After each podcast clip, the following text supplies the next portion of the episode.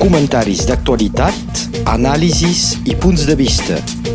La crònica d'opinió amb l'advocat Pere Beca. Bon dia. Una setmana més hem de comptar els dies. Quasi bé estem a 1.100 dies de presó. 1.100 dies i 1.100 nits. Sobretot amb l'incertesa del futur. Del propi futur dels presos, però també del futur de l'expressió política democràtica lliure a Catalunya i a tot Espanya. I a tot arreu al món. Mireu què està passant a Bielorússia, mireu què està passant a Argèlia, mireu què està passant a Turquia i fins i tot a les democràcies occidentals que tothom està tibant una mica el lligam del poble per prohibir l'expressió lliure. Fins i tot a l'estat francès s'està preparant una llei contra els separatismes, que ja se sap que aquesta llei està feta eh, contra el separatisme islàmic, però com una llei, una llei no pot ser particular, ha de ser general, tocarà tots els separatismes. Què passarà per nosaltres i les opinions que tenim? De fet, estem assistint en aquest començament del segle XXI a una judiciarització del debat polític.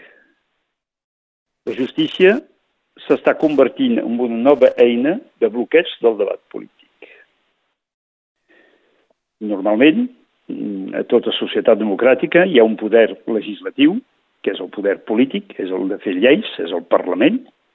Hi ha un poder executiu, que és de fer realitat d'aquestes lleis que ha votat el Parlament i de les aplicar a la població, però ja es veu que en aquest cas, almenys per l'estat francès i tanmateix a l'estat espanyol, ja el que té el president i que té la majoria al Parlament ja barreja el poder legislatiu i el poder executiu, i al costat d'això hi ha una justícia que normalment ha de ser independent. Hem vist a l'estat espanyol com podia ser independent el Tribunal Suprem, que feia molt exactament el que li deia de fer el poder d'aquells moments. És a dir, que aquesta pregunta de la independència de la justícia com a eina política és una pregunta molt important, perquè és tot l'equilibri dels tres peus de la democràcia, legislatiu, executiu, judicial, i que si falta un d'aquests peus, o si, com en aquest cas, en falten quasi bé dos, ens estem convertint en una situació que no es pot ser qualificada de democràtica. De fet, la justícia en molts països, i els que he parlat anteriorment especialment, s'està convertint en una eina del poder per prohibir el debat, el debat polític.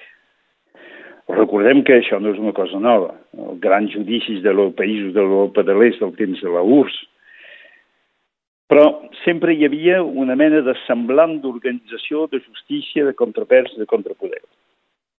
Mireu què va passar a Madrid amb la intervenció molt directa de Vox, que és un poder polític però que intervenia directament al judici, i més enllà mireu què està passant a la Cort Suprem dels Estats Units, el senyor Trump, que ja més o menys pensa que no guanyarà l'elecció presidencial, apreta molt i molt per posar un jutge que sigui del seu partit o almenys de la seva opinió a la Cort Suprem, perquè realment el manteniment del poder polític, el manteniment de la voluntat reaccionària de la ciutadania americana es fa a través del judici, a través de la, del funcionament de la justícia i a través de la Cort Suprema i que els grans debats societats, com ara l'avortament, com ara el casament eh, unisex o com tots aquests debats que s'estan eh, movent, el debat de l'immigració també, s'acaba amb judicis a la Cort Suprema dels Estats Units, que és, de fet, l'eina política el més important d'aquest país i, doncs, per conseqüència, potser del món. Això és un problema molt greu. El problema de la justícia independent és la base del manteniment dels estats democràtics com els tenim pensats actualment sorgits de la filosofia del segle XVIII. Aquest principi d'independència sempre ha sigut limitat per la realitat del funcionament judicial. Evidentment que els jutges són dones i homes que necessiten mitjans i que el poder executiu els don o no els don, que necessiten tenir una evolució de carrera personal i que, per tant, si volen evolucionar, tampoc han de posar-se directament en contra del poder polític, i que necessiten un ambient democràtic al voltant, que no hi hagi una pressió permanent sobre la justícia.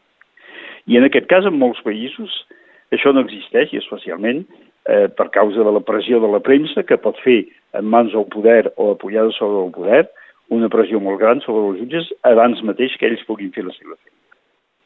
I sobretot el tema de la fiscalia. La fiscalia, en català fiscalia, s'entén eh, el que és en francès el procureur de la República. No s'ha de barrejar. El terme procurador en català no vol dir procureur, sinó advocat representant davant de les jurisdiccions, però el fiscal és el procureur de la República representant de l'Estat. A Espanya com a França, el fiscal, per definició mateixa, mai ha sigut independent, perquè era l'eina de transmissió de la voluntat política del poder en plaça cap a les jurisdiccions. Però les jurisdiccions no eren i no són obligades de seguir el que digui el fiscal. Les jurisdiccions moltes vegades poden dir no, amb això no estem d'acord i nosaltres no, la sentència que fem no correspon a el que ens ha demanat el fiscal. Als Estats Units, hi ha molts anys, des del començament, s'ha imaginat una fiscalia independent, una fiscalia que era independent del poder públic. El poder públic està representat al judici, pels jutges, evidentment, però sobretot per un representant de l'Estat, però al costat hi pot haver-hi, com també existeix a l'estat espanyol, intervencions de tipus privades, però a favor del respecte de la llei. Per això pot donar resultats molt diversos. Pot haver-hi procuradors independents, però també pot haver-hi, com va ser el cas en el eh, judici de Madrid, intervenció d'advocats fent la feina de procurador en nom del partit Vox. I podem veure i constatar les conseqüències de tot això.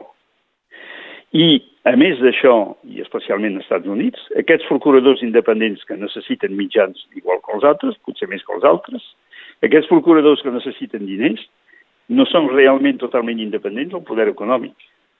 Evidentment que un procurador que jura al començament de la seva carrera de ser independent necessita recursos materials i que moltes vegades sempre hi ha algun organisme molt atencionat en el judici que diu us podem donar aquests recursos, us podem eh, procurar aquests elements que us fan falta.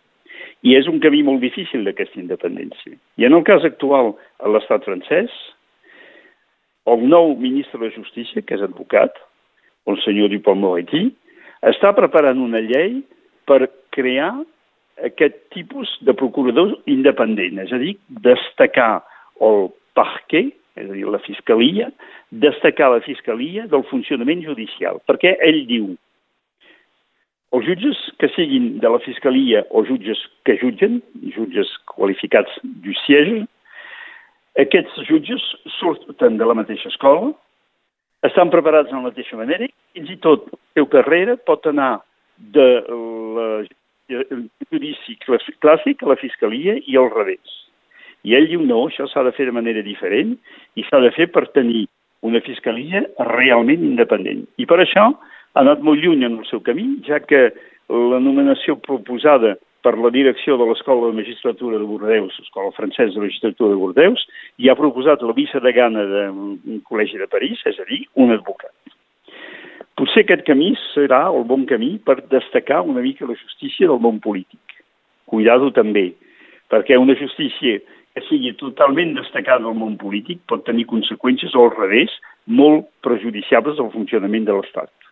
És un equilibri que s'ha de trobar estem al mig del debat, no sabem com sortirem d'aquest debat, però lo segur és que hem de vigilar molt de l'exercici de la democràcia a través d'aquestes reformes. Moltes gràcies.